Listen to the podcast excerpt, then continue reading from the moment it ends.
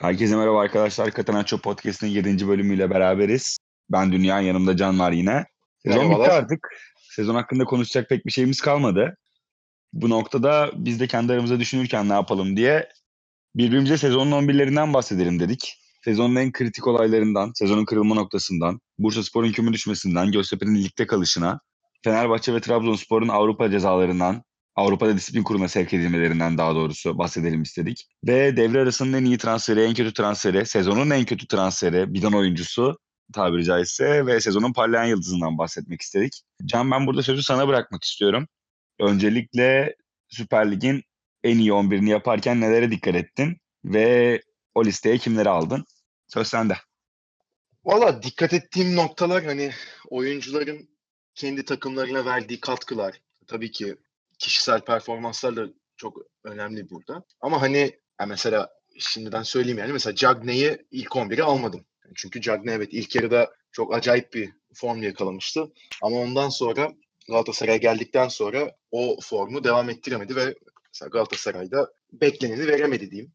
Taraftar daha farklı bir şey bekliyordu. Tabii ki gol bekliyordu. 10 tane gol attı Galatasaray'da ama bunların 7 tanesi penaltılandı ve beklentileri karşılayamadı açıkçası. Oyun tarzıyla, saha içi hareketleriyle. E, olabildiğince izlediğim takımlardan almaya çalıştım. Hani sadece ligin ilk iki sırasındaki Galatasaray ve Başakşehir'den olmasın. Hani başka yerlerden de olsun diye yapmaya çalıştım. Ama tabii hani bir yerden sonra da tabii şampiyon olan ve 33 hafta boyunca şampiyonluk yarışında kalmış bir takım var sonuçta. Galatasaray ve Başakşehir bu iki takım. O yüzden de yani ço- çoğunluğun onlardan olması bence bir yerden sonra normal oluyor. Yani önce ben sayayım o zaman. Ben kaleye Mert Günok'u aldım. Bence iyi bir sezon geçirdim. Başakşehir zaten ligin açık ara en az gol yiyen takımı. 34 maç sonunda sadece 22 gol yemişler. Yani bu gayet iyi bir rakam. Muslera'yı da düşündüm ama açıkçası Muslera'nın bir iki aylık bir sezonun başında böyle Ekim-Kasım gibi bir yalpaladığı dönem var. Orada Fenerbahçe derbisinde özellikle maç 2-0 iken yaptırdığı bir penaltı var. Çok büyük bir hataydı. Ondan sonra Şampiyonlar Ligi'nde tabii ki bu hani ligin 11'ini yapıyoruz ama Şampiyonlar Ligi'nde Schalke deplasmanında yaptığı hatalar var. Ondan sonra ligde Galatasaray'ın üst üste evinde 4 maç beraberliğe berabere kaldığı bir seri var. Orada da Muslera'nın çok iyi bir performans göstermediğini görmüştük. Ligin ilk yarısındaki performansı açıkçası Muslera'nın beni çok ikna edemediği için Mert aldım. Defans dörtlüsünü sağ bekte Douglas Sivas'tan. Ligin çoğunluğunda sağ bekte oynadı. Bir kısmında sağ açıkta da oynadı ama sağ bekte bence üst düzey bir performans gösterdi ki zaten hani Barcelona'dan kiralık gelmiş bir oyuncu. Liginde kalitesini bence çok üstünde bir oyuncuydu. Stoperleri Markao ve Mahmut olarak düşündüm. Şimdi Mahmut evet bir orta saha oyuncusu ama Başakşehir'in o tepede kaldığı kısımda stoperde gösterdiği performans ya bir anda ön libero'dan geriye gelip orada gösterdiği performans Başakşehir adına çok kritikti bence. Ve hani Başakşehir'in bu kadar uzun süre yukarıda kalmasını da sağlayan en büyük 2-3 faktörden biriydi.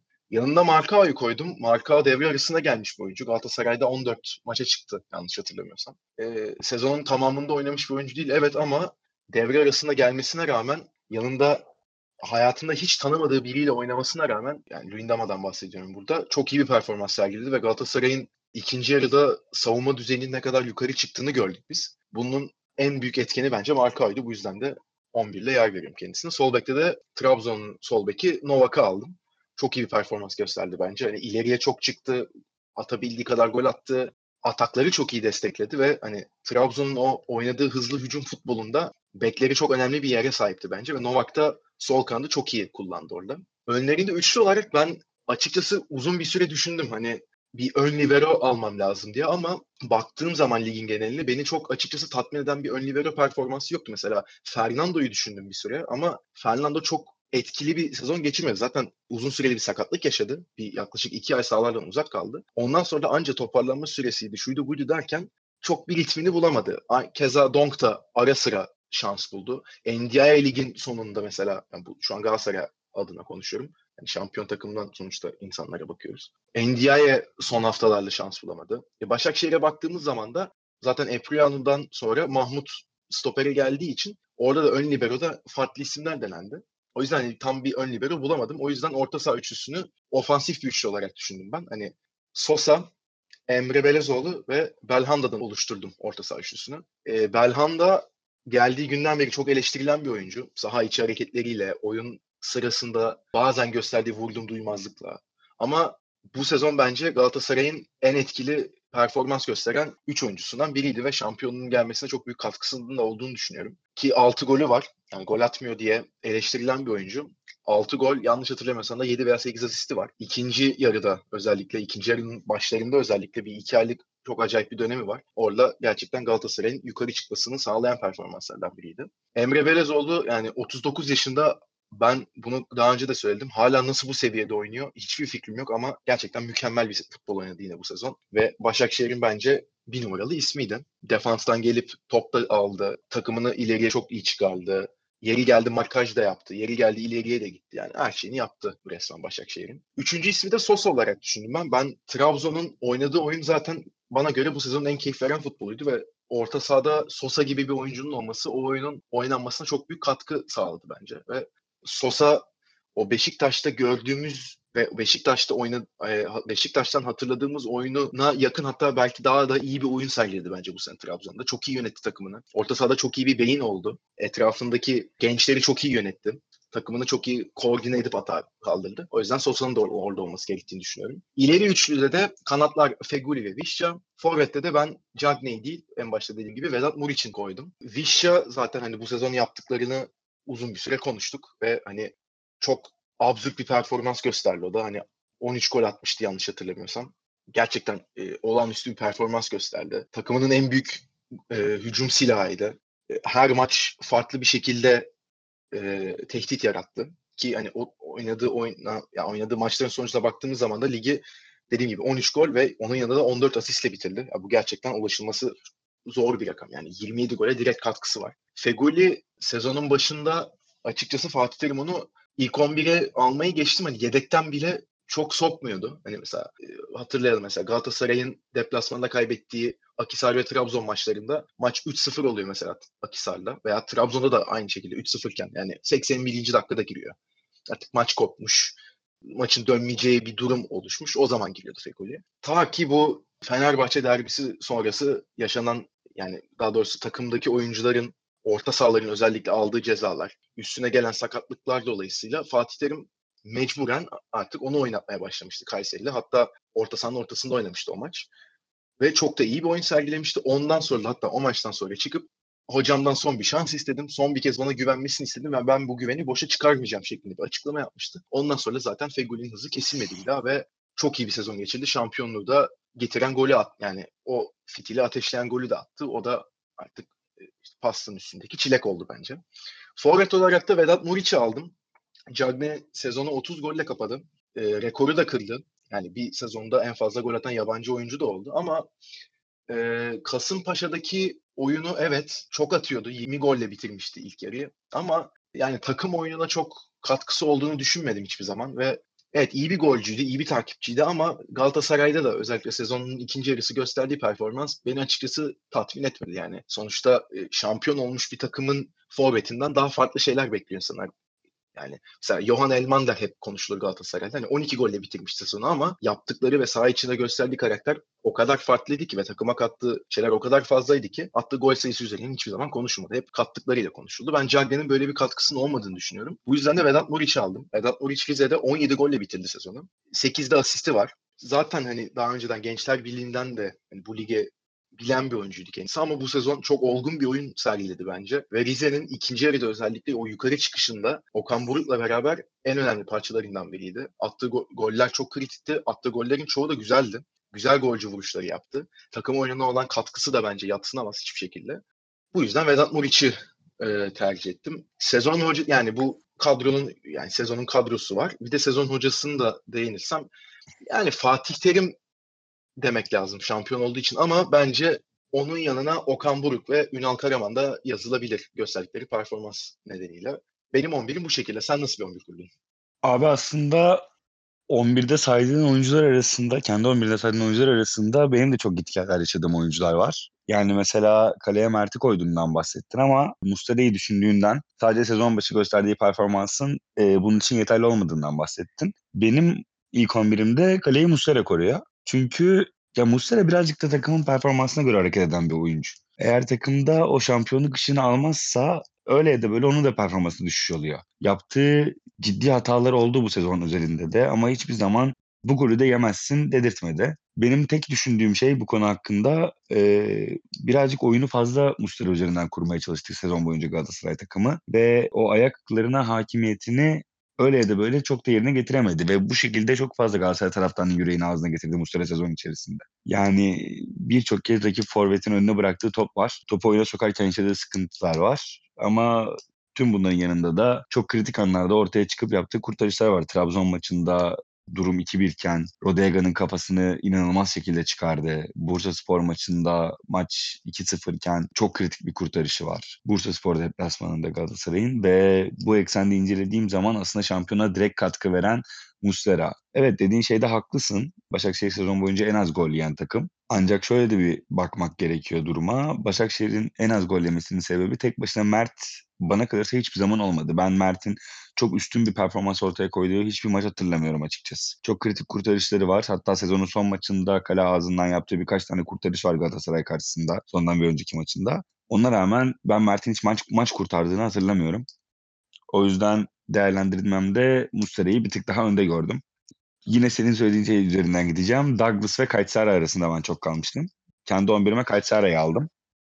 Sağ bekte Vişya'nın ön tarafta yaptığı ön tarafta takımına yaptığı katkıda ben Kayseri'nin ciddi anlamda hücum etkisinin olduğunu düşünüyorum. Zamanında Schalke zamanında da e, Kayseri'nin bu tarz hücum etkisini görmüştük. Savunma konusunda zafiyetleri var. Onu da Epriano sakatlanmadan önce o kapatıyordu. Nitekim Kayseri Epriano tandemini ben de bozmak istemedim kendi ilk 11'imde. Kayseri'nin yanında stoperlerden bir tanesi Epriano.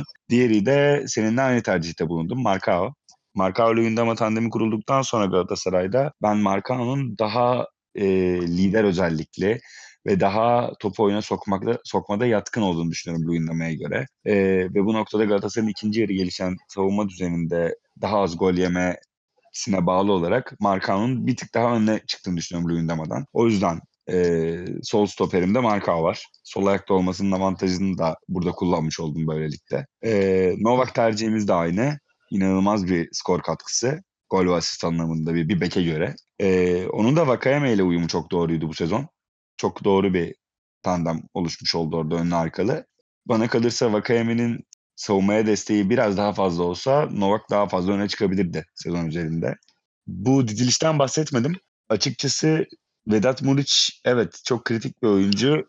Kendi ilk 11'imde yer vermediğim bir oyuncuydu benim. Ama çift forvet kullanmak istedim kendi ilk 11'imde. Çünkü ne Cagney'in ne de Burak Yılmaz'ın hakkını yemek istemedim o noktada bir 4-1-2-1-2 formasyonu kullandım ben. Orta sahada birazcık daha defansif orta saha rolünde Emre Belözoğlu var. 39 yaşında inanılmaz bir performans. Kesinlikle katılıyorum sana. Sağ içi hareketlerini çoğu spor sever tasvip etmese de oyun anlamında, teknik anlamda son derece başarılı bir oyuncu bana kalırsa. Ee, zaten transferde konuşuluyor şimdi Fenerbahçe'ye. Şöyle bir şey yaptım aslında. Berhanda tercihini anlayışla karşılıyorum ama e, iki tane sağ kanat oyuncusu Fegoli ve Vişça. E, bunların ikisine de takımımda yer, vermesi, yer vermem gerektiğini düşündüm ben. Çünkü ikisi de biri şampiyonluğa direkt katkı verdi. Biri şamp takımının şampiyonluğa giden yolda in, yolunda inanılmaz katkı verdi. 13 gol 14 asist sanırım yanlış hatırlamıyorsam. Senin demin söylediğin de oydu. İnanılmaz bir rakam Vişça'dan bu. Nitekim sezon özelinde Başakşehir'in düşmeye başladığı noktalarda da takımın sığınma limanıydı Vişça. Sezon boyunca şanssızca oynadığı herhalde bir, bir tane maç var Kayseri maçı. Onun dışında çok üstün bir performans sergilemişti. O yüzden ben sağ kanatta ona yer verdim. Senin de demin değindiğin o Kayseri maçında Feguli'nin ortada oynamasından kaynaklanan bir sebepten belki Feguli'nin 10 numara pozisyonda oynayabileceğini düşünüyorum benim takımımda. Ama hiç değinmediğimiz bir nokta Henry Onyekuru 14 golle tamamladı sezonu. Aynen öyle. Zaten benim hani en çok düşündüğüm noktalardan biri Onyekuru'ydu. Yani daha doğrusu Onyekuru ve Vakayeme'ye biraz haksızlık yaptığımı düşünüyorum burada. Vakayeme de bence çok acayip bir sezon geçirdi ama e, Belhanda'nın o oyuna etkisi yani açıkçası benim kadroma koymamda daha bir ön planda durdu bilmiyorum yani açıkçası ama Onyekuru tercihini tamamen anlayışla karşılıyorum ve olması gerekir bence de zaten. Yani ben kendim haksızlık yaptığımı düşünüyorum. Ya Onyekuru tercihinde sezon başında biraz fazla eleştirdik açıkçası Onyekuru'yu. Galatasaray'ın daha önceki kanat tercihlerinde Buruma daha olgunlaşma çağındayken ve Geri Rodriguez'in ilk geldiği zamanları düşündüğümüz zaman aslında hemen hemen birbirine benzer performanslar gösterebileceğini, ilk zamanlarında benzer performanslar gösterebileceğini bekliyorduk. Fakat karar alma yetisindeki eksiklikler Onyekuru'ya taraftarın birazcık daha temkinli yaklaşması sebebiyet verdi. Ama sezonun sonuna baktığım zaman Beşiktaş'a karşı boş kalede olsa golünü atmış. Fenerbahçe deplasmanında takımına bir puanı getiren golü atmış. Ve şampiyonluk maçında takımını şampiyonluğa götüren golü atmış bir oyuncudan bahsediyoruz. Yani büyük, bütün kritik maçlarda skoru katkısını yapmış ve e, rakiplere bir tehdit oluşturmuş bir oyuncu Onyekuru. O yüzden e, benim ilk 11'imde yer aldı. Çift forvet Burak Cagne. Cagne'nin performansı açıkçası Galatasaray transferinden sonra oldukça kötüydü. Hatta Alberto Bartelli'nin geçen hafta yaptığı bir açık 2-3 hafta önce yaptığı bir açıklamada Cagne'nin şu an %50-60 ile oynadığından ve çok uzun bir süre antrenmanlara çıkamadığı için sezonun ikinci yarısında da fiziksel olarak çok düşük bir yüzdeyle varlığından bahsetmişti sahada. Ee, kalırsa gelecek sezon daha iyi olabileceğini düşünüyorum. Gitmesi yönünde spekülasyonlar var. Bekleyip göreceğiz. Ama attığı 30 gol her ne kadar üçte biri penaltıdan da olsa bu ilk 11'de yer almayı hak edecek bir performans bana kalırsa. Burak mutlaka yer almalıydı benim ilk 11'imde. Çünkü hem Burak'ı çok seviyorum oyun performansı olarak hem de son sene yani bu sene özelinde beni bile şaşırttı ki ben ciddi anlamda oyununu beğenirdim. Oyununu çok geliştirdi. Beşiktaş'ın oyununa inanılmaz bir katkıda bulundu. Sadece attığı goller değil, takım içerisinde aldığı rol de bunu getirdi Burak'a. Ve en son noktada baktığım zaman da Beşiktaş'ın 32. haftaya kadar, 31. haftaya kadar şampiyonluk yarışını sürdürmesindeki en büyük etken aslında Burak transferi. Nitekim şimdi e, konuşacağız birazdan. Senden alacağım onu. Yani bunu aslında daha demin de konuştuk birazcık kayıttan önce. Ama devre arasının en iyi transferinde sen Markao'dan, Markao'dan bahsettin. Katılıyorum sana. Ama bir ekleme yapmak istedim. Burak da bu noktada çok kritik. Kesinlikle çok kritik. Zaten yani Burak'ın Beşiktaş'a verdiği katkı ve oyununun hani Beşiktaş'ın takım oyununun e, değişmesini yani tek başına sağladı resmen. Evet Laiç de orada oyununu özellikle ikinci yarıda çok üst bir seviyeye taşıdı ama Burak daha bence nasıl diyeyim daha stabil bir performans verdi. Yani belli bir seviye belirledi kendine ve o seviyenin altına neredeyse hiç düşmedi. Laiç'in daha gitgelleri olduğunu gördük. Yani bir maçta mesela Rize deplasmanında çok acayip bir top oynadı. Ondan sonra ama Galatasaray maçında göremedik. Hani aralarında evet bir 5 hafta falan var yanlış hatırlamıyorsam ama Burak daha nasıl diyeyim her maç özelinde baktığımız zaman bir veya iki gol attı neredeyse her maç. Oyuna verdiği katkısı zaten belli. Oyununun ne kadar geliştiğinden ve ne kadar farklı bir noktaya evrildiğinden de burada bahsettik. Ama ben açıkçası ne kadar Buran çok acayip bir performans gösterdiği ikinci yarıda Beşiktaş formasıyla ortada olsa da Markao transferinin e, daha kritik bir yere sahip olduğunu düşünüyorum. Şimdi şöyle baktığımız zaman Galatasaray sezonu Maicon, Serdar, Ahmet Çalık üçlüsüyle açmıştı stoperle. Hatta Fatih Terim stoper transferi yapılmadıktan sonra ki hatta yazın başında demişti yani ben esas olarak bir stoper bir tane de forvet istiyorum diye. İkisi de gelmemişti. Şimdi herkes forvet üstünden konuşuyor evet ama stoperle gelmedi Galatasaray'a. Ve ne oldu? Bir yerde elinde sadece Serdar Aziz kaldı Fatih Terim'in. Donk'u stopere çekmek yerine o zaman altyapıdan güvendiği Ozan Kabak çıkardı ve Ozan Kabak yaklaşık 5 ay top oynayarak altyapıdan çıkmış bir oyuncu olarak devre arasında 11 milyon euro getirdi Galatasaray'a. Çok önemli bir transfer yaptı ve Avrupa'ya gitti. Devre arasında Serdar Aziz'le yollar ayrıldı önce. Zaten kadro dışı bırakıldı. Yani e, takımda kalsaydı bile Fatih Terim'in onu düşünmedik. Zaten apaçık ortadaydı Fatih Terim. Instagram'da yaptığı yayında da zaten söylemişti bunu. Ve ondan sonra bir anda Portekiz Ligi'nde düşme potasında olan hatta son sırada olan takımın stoperi getirildi. 4,5 milyon euroydu yanlış hatırlamıyorsam bonservisi. Ve neredeyse Galatasaray taraftarının %95'i bu adam nereden çıktı? Niye bu kadar para verdi gibi bir tepki verdi. Ben de açıkçası transfer ilk yapıldığı zaman niye Galatasaray 4,5 milyon eurosunu Markao'ya verdi? Hani nereden çıktı bu adam? Kimdir bu diye bir düşünceye kapılmıştım açıkçası. Ama o bütün bu düşüncelerde olan Galatasaray taraftarının düşüncelerini değiştirmesi resmen bir haftayı aldı Markan. Hani bir e, Göztepe maçıyla başlamıştı yanlış hatırlamıyorsam Galatasaray kariyerine. E, deplasmanda çok iyi bir oyun sergilemişti. Bir de hani o maçta çok yağmur vardı. Saha şartları çok kötüydü. Çok acayip bir performans göstermişti o sahada ve o, o maçtan sonra Galatasaray taraftarı Aa biz aslında iyi bir oyuncu almışız. Yani genç de demeye başladı. Ve ondan sonra kademeli olarak bence performansı arttı. Evet e, bireysel hataları oldu. Mesela en aklıma gelen bariz hatası Erzurum Spor deplasmanındaydı. Galatasaray bir bir berabere kalmıştı.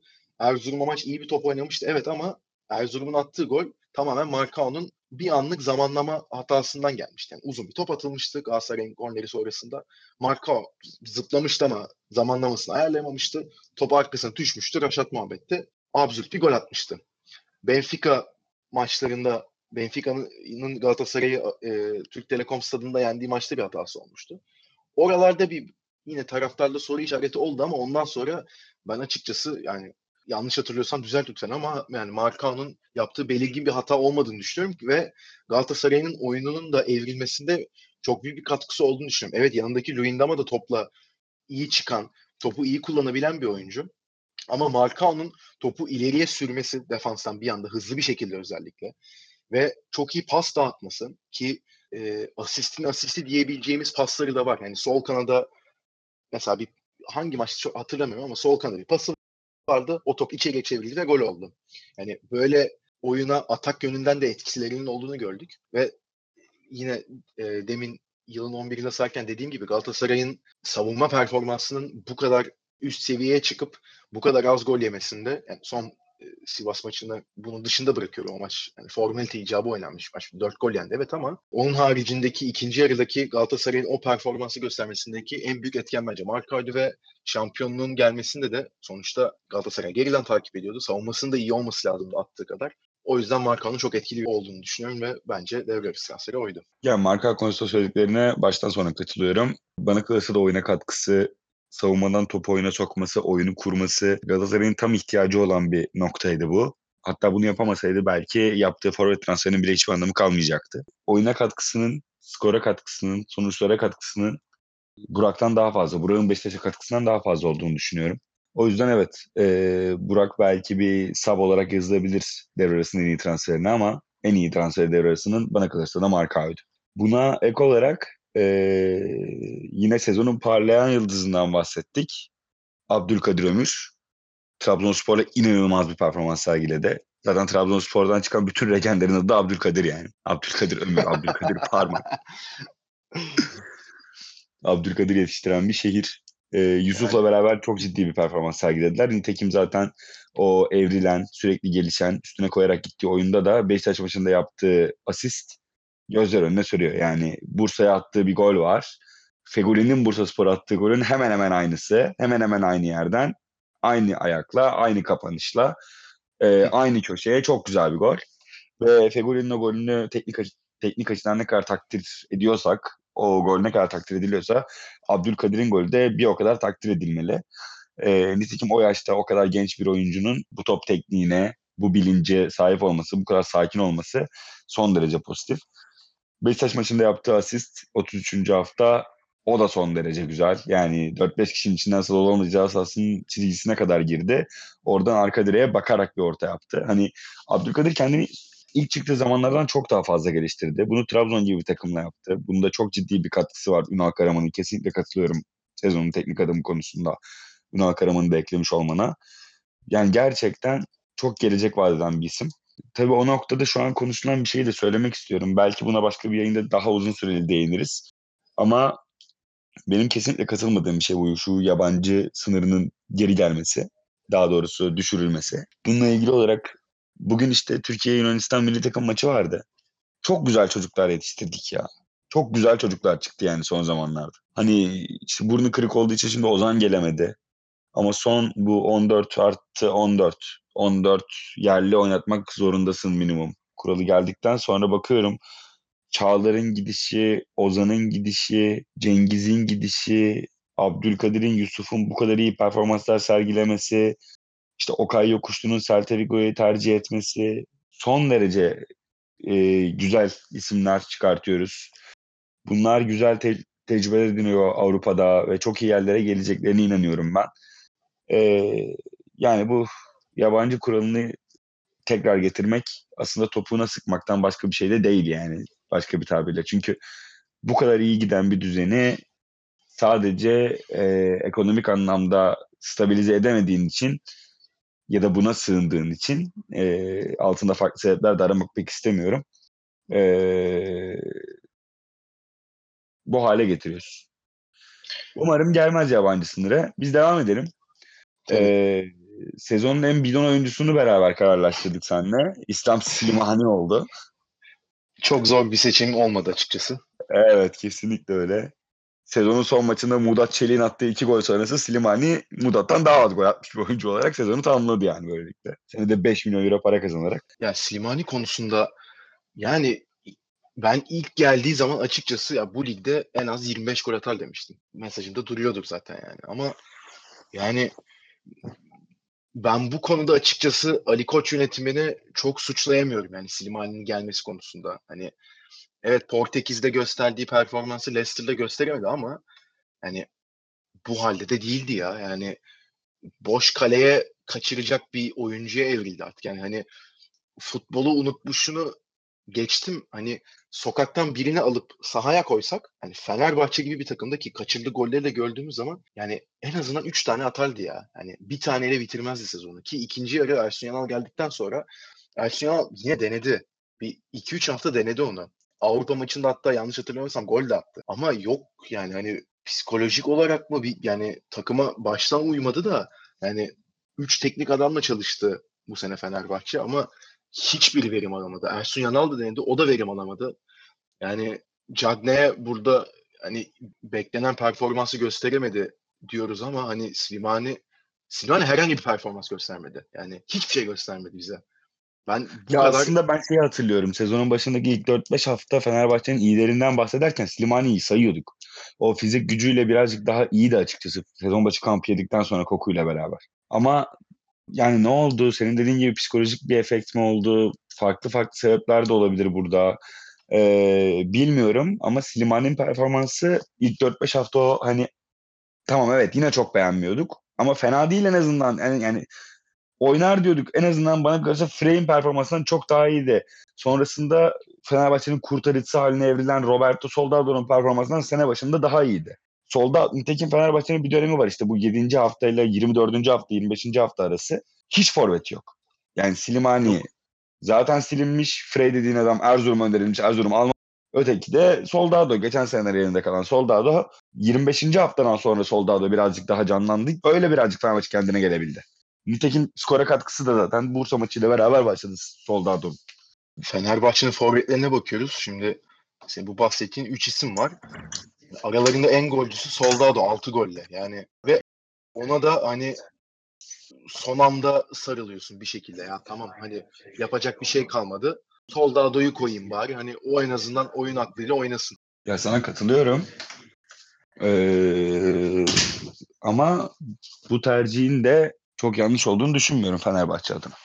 Yani Ali Koç'u ben de orada suçlayamam. Çünkü Portekiz'de gösterdiği performansla son derece iyi bir oyuncuydu Slimani. Evet Leicester'da dediğin gibi tutunamadı o kadar fazla. Fakat Türkiye'de iş yapacak bir oyuncuydu. Ya bana kalırsa Soldado, işte Negredo transferlerinden çok da büyük bir farkı yoktu vizyon olarak. Bence de. Devam edelim. Çok uzatmayalım aslında konuyu da. Sezonun bidon oyuncusundan da bahsettiğimize göre devre arasında en kötü transferi Tolga Arslan dedik beraber. Çok ciddi bir bonservis verildi çünkü Beşiktaş'a.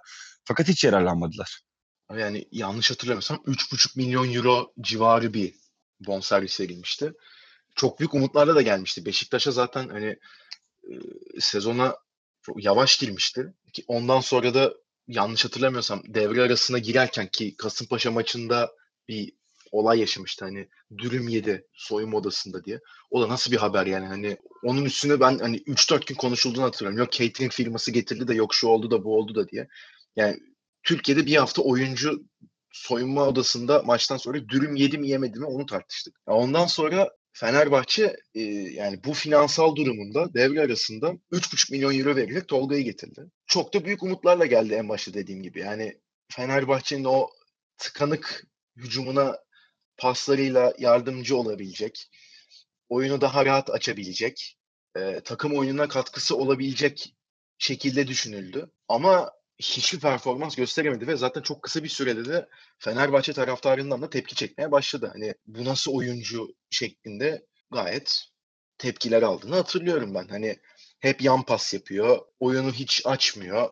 çok boş vermiş gözüküyor sahanın içinde diye birçok eleştiri aldı. Zaten son haftalarda da kullanılmadı hiç. Bir tek ben Tolgay konusunda şeye katılmıyorum. Yani e, bu yayıncı kuruluşta da mesela Tümer Metin diyordu yanlış hatırlamıyorsam. Hani hiç gol atmıyor, hiç asist yapmıyor. Yani o adam hiçbir zaman hayatı boyunca oyun stili gelince gol atmadı veya asist yapmadı. Ya onun oyuna katkısı farklıydı. Yani mesela Beşiktaş'ta hatırlıyorum o şampiyon oldukları ilk sezon yanlış hatırlamıyorsam. Ligin sonlarında bir as- yani bir pası var. Defans önünden topu rakip sahanın hani korner direğinin oraya öyle bir pas atıyor ki Quaresma yakalıyor içeri geçebiliyor go- gol oluyor. Yani o tarz oynuyordu. Daha hani dinamikliği vardı orta sahada. Yani yine yani kora kora oynamıyordu mesela. Ryan Donk gibi bir etkisi yoktu savunma anlamında ama yine mücadele ediyordu. Ve dediğim gibi daha Kalitesiz hani, yani.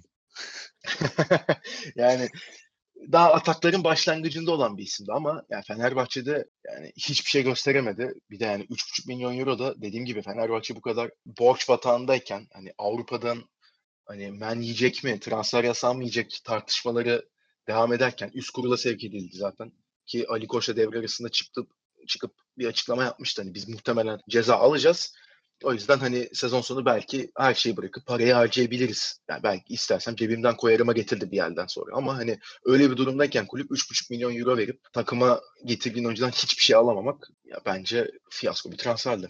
Yani Tolga'yı fırsat transferi olarak görseler de eğer Beşiktaş sözleşmesini feshetseydi o zaman belki değerlendirilebilirdi. Ozan Tufan'ın da ne olacağını bilmedikleri için. Fakat şimdi baktığım zaman Ozan'ın Alanya performansı sonrası tekrar milli takıma seçilmesi Fenerbahçe'nin 3,5 milyon eurosunu çöpe attığını gösteriyor. Bana kalırsa Ozan Tolga'dan daha fazla aday gelecek sezon Fenerbahçe orta sahası için.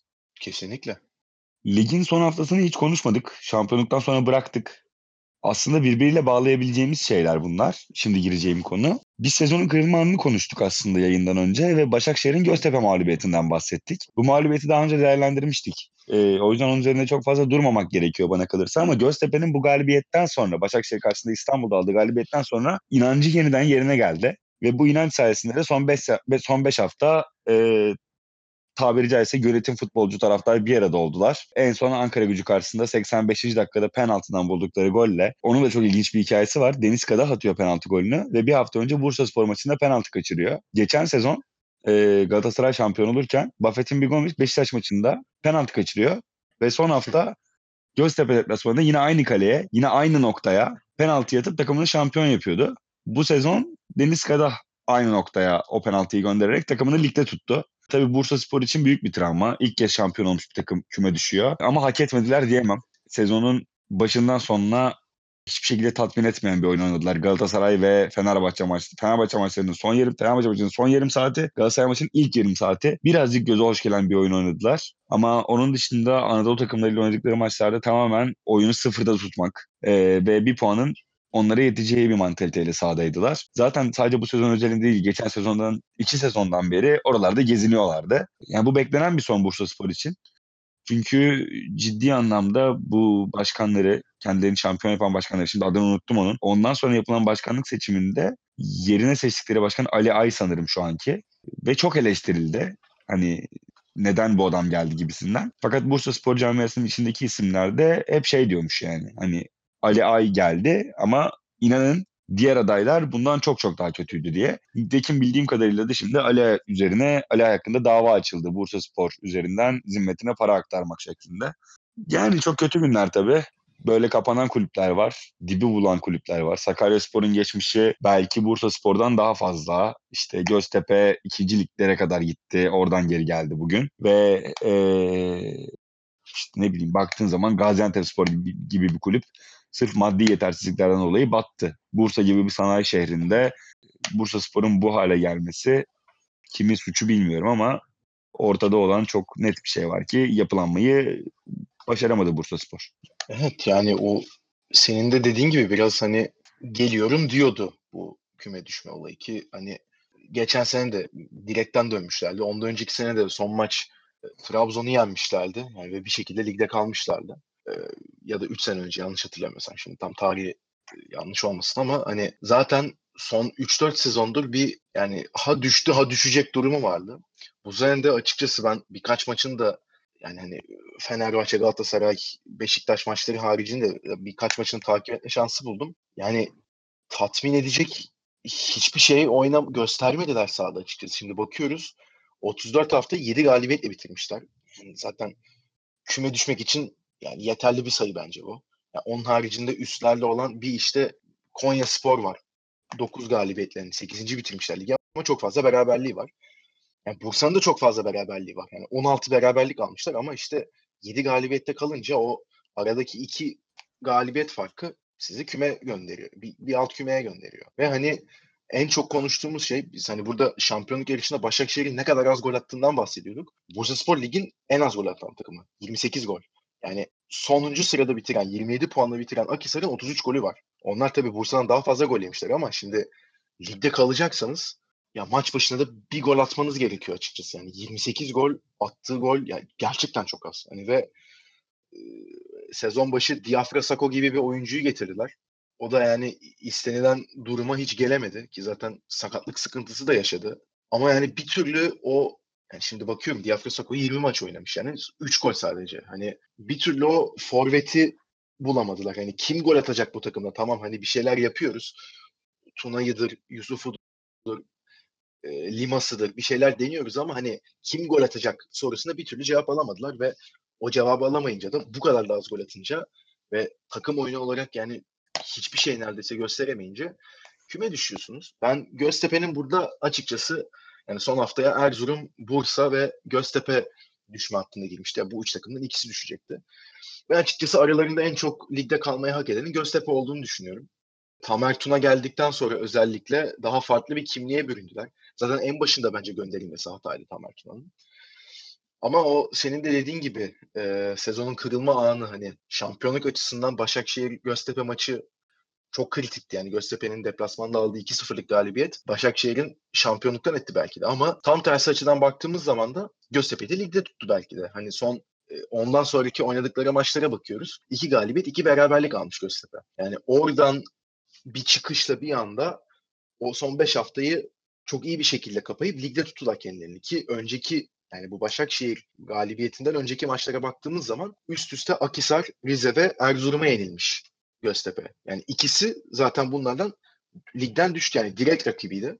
Oradaki hatalarını o Başakşehir maçında çok iyi toparladılar ve sonra da ligde kalmayı ligde kalmak istediklerini çok iyi gösterdiler. Son maçta da yani golü erken buldular. Ondan sonra çok rahat yani tabii ki rahat geçmiyordu. Ankara gücü bir direnç gösterdi karşılarında ama gereksiz bir paniğe kapıldılar bir anda. Hani taraftar desteğini tabii ki yani 90 dakika boyunca susmadılar. Bence Türkiye'nin en iyi taraftar gruplarından zaten Göztepe. Ama yani taraftarda bile bir stres olduğunu orada hissediyordum ben izlerken. Ki sonra bir gol de yediler.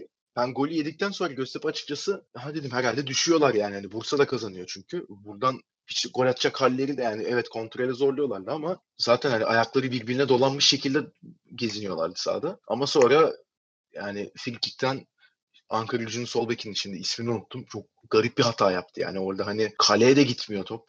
Böyle bir anda kolunu açtı. Yani şans mı diyelim artık ne diyelim bilmiyorum ama işte penaltı oldu. Deniz'de çok çok güzel penaltı attı ve hani o bir hafta önce Bursa'da kaçırdığı penaltıdan sonra tabii bunu atmakta açıkçası yürek ister. Yani Bursa maçında kaçırdığı penaltıyı atsaydı Deniz ve o maçı Göztepe 1-0 kazansaydı son hafta öncesi zaten ligde kalmayı garantiliyordu. Ama işte ayağına fırsat bir hafta sonra tekrar geldi ve o bence büyük bir karakter orada o topu alıp o şekilde topu ağları göndermek. Evet takımını da ligde tutmuş oldu sonuçta. Aslında son bir şey söyleyeyim bu Spor Toto Süper Lig'le ilgili. Sonra hem bu yayını kapatalım hem de biz kendi sezonumuzu kapatalım böylelikle. Vaktimiz olursa aslında önümüzdeki haftadan itibaren hem bu çok konuşulan transfer söylentileri hakkında birazcık sohbet etme şansı bulursak e, yayınlamak isteriz. Hem de e, UEFA Şampiyonlar Ligi ile UEFA Avrupa Ligi finalleri hakkında bir değerlendirme yayınlarız belki. Belki onları birleştirip yayınlarız hatta ilk yayın olursa. E, ama bu kümede kalmak Ceko transferini konuşuruz. yani, İstanbul'da ya.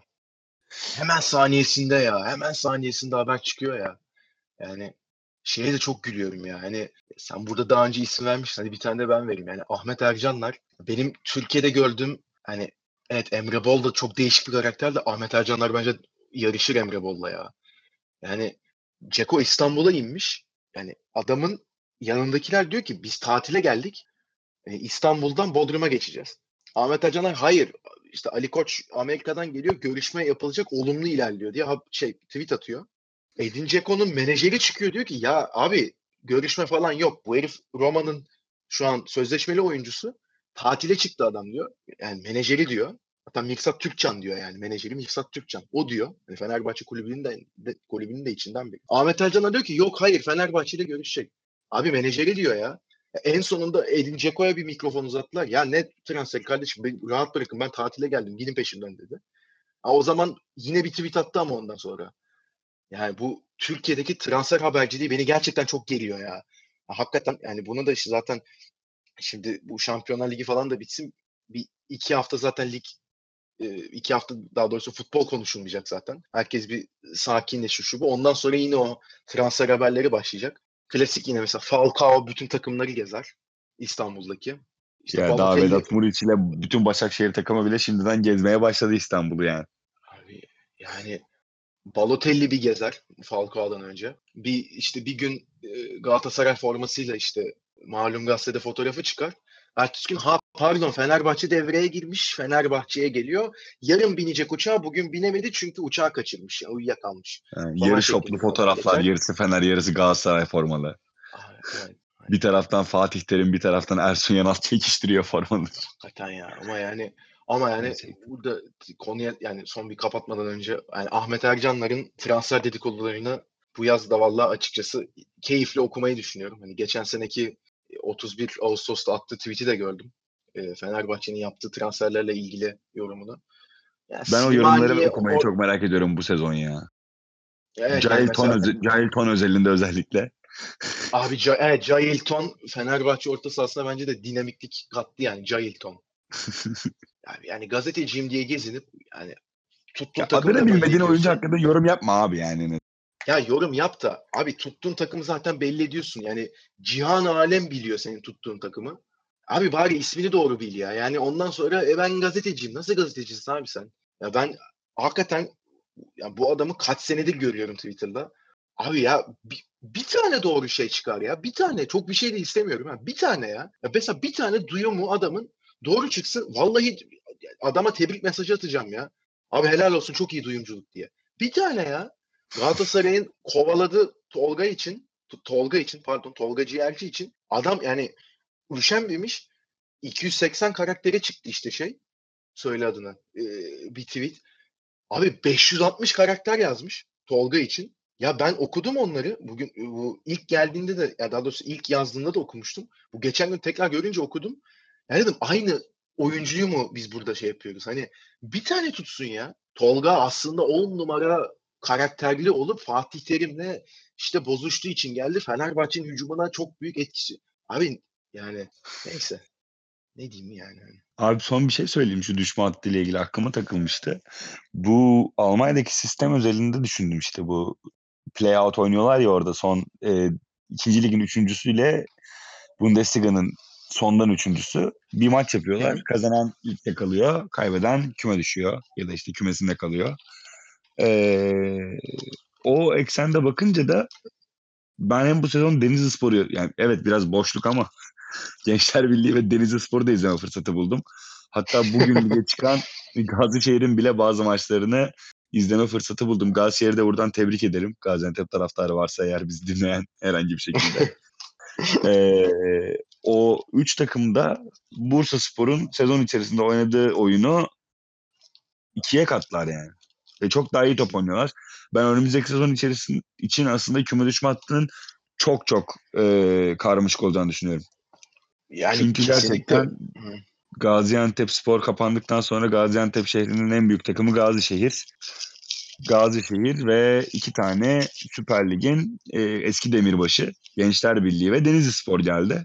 Şimdi yeni adayları ben çok merak ediyorum. Umarım Antalya Spor falan doğru bir yapılanmayla devam eder Bülent hocasıyla ve bir şekilde e, ligde kalmayı başarır. Önümüzdeki sezonun benim küme düşme adayım yok şu anda.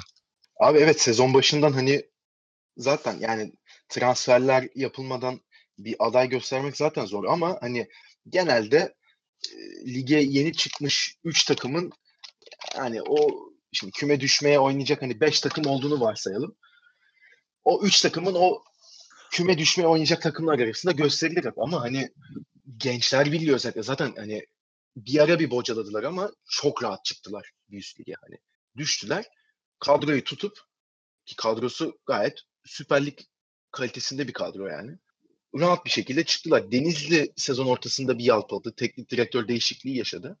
Ondan sonra onlar da iyi bir oyun sergileyip zaten kendilerini yukarıya attılar ki takımları da fena değil. Süper Lig görmüş oyuncuları var yani. Recep Niyazı var en aklıma gelen. Kaptanları Forvet Mehmet sanırım.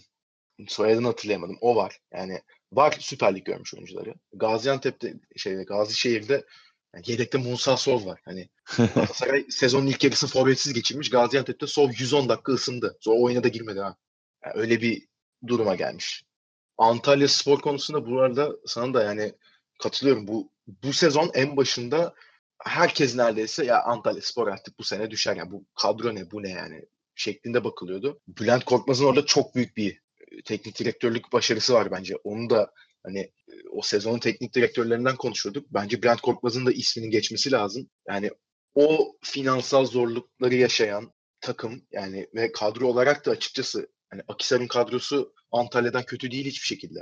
Sonucu olarak küme düştüler ama yani bu profildeki bir takımı ligin hani yedincisi yapmak ki o da hani son maçta Fenerbahçe'ye yenildiği için yoksa son 4-5 hafta bir tane daha fazla galibiyet almış olsa zaten 6. bitirecekti ligi. Çok çok büyük iş. Çok büyük iş.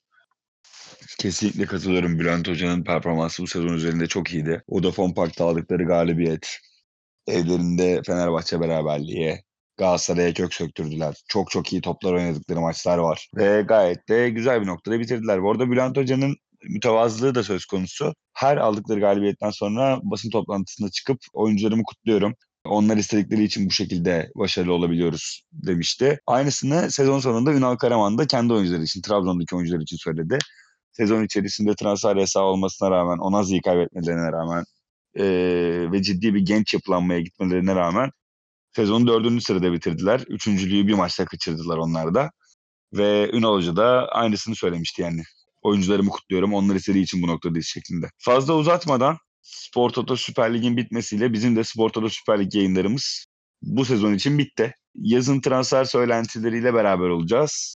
Onun dışında bize iletmek istediğiniz bir şey olursa, sormak istediğiniz şeyler olursa sosyal medya kanallarımıza ulaşabilirsiniz. Can eklemek istediğin bir şey var mı? Valla yok zaten. Güzel toparladın sen de. Değişik bir sezondu. Şampiyonun 22. 23. haftada çoğu insan tarafından ilan edildiği ama sonra bir anda değişip aa çok büyük olay diye lanse edildiği sezonu geride bıraktık. Çok fazla hakem konuşuldu. Umarım seneye hakem konuşulmaz bu kadar. Belli bir e, eşiği atlarız artık o konuda. En büyük temennim o. İkinci temennim de sen de yayının bir kısmında bahsettin. Ya lütfen şu yabancı sınırı değişmesin. Yani o kadar senin de dediğin gibi kaç kişi kaç tane gencecik çocuk çıkmış Avrupa'ya gitmiş paralar kazandırmış kulüplerine. Daha da gidecekler var, daha takip edilenler var. Ligin ne kadar farklı bir boyuta geldiğini gördük bu sene. Hani üstteki takımlar biraz durduğu vakit alttakilerin nasıl ekonomik şekilde kullanıp bütçelerini üste ne kadar yaklaşabildiğini gördük. O açıdan iyi bir sezondu bence. Ama yani eğer yabancı sınırı gelirse yani yine olmayacak oyunculara olmayacak bedeller ödenecek ve ondan sonra Aa bizim kulüpler ne oluyor yani para gelmiyor şeklinde bir serzenişler başlayacak. Yani iki temennim bu açıkçası bir sonraki sezon için. Temennilerine katılıyorum. O halde e, bizi dinlediğiniz için tüm sezon boyunca, sezon sonunda daha doğru sezon sonundan itibaren bizi dinlediğiniz için teşekkür ederiz. Önümüzdeki sezon devam etmek istiyoruz. Vaktimiz ve isteğimiz olduğu sürece. Biz isteriz açıkçası şimdiden. Umarız önümüzdeki sezon görüşürüz. Çok teşekkür ederiz her şey için. Görüşmek üzere. Hoşçakalın.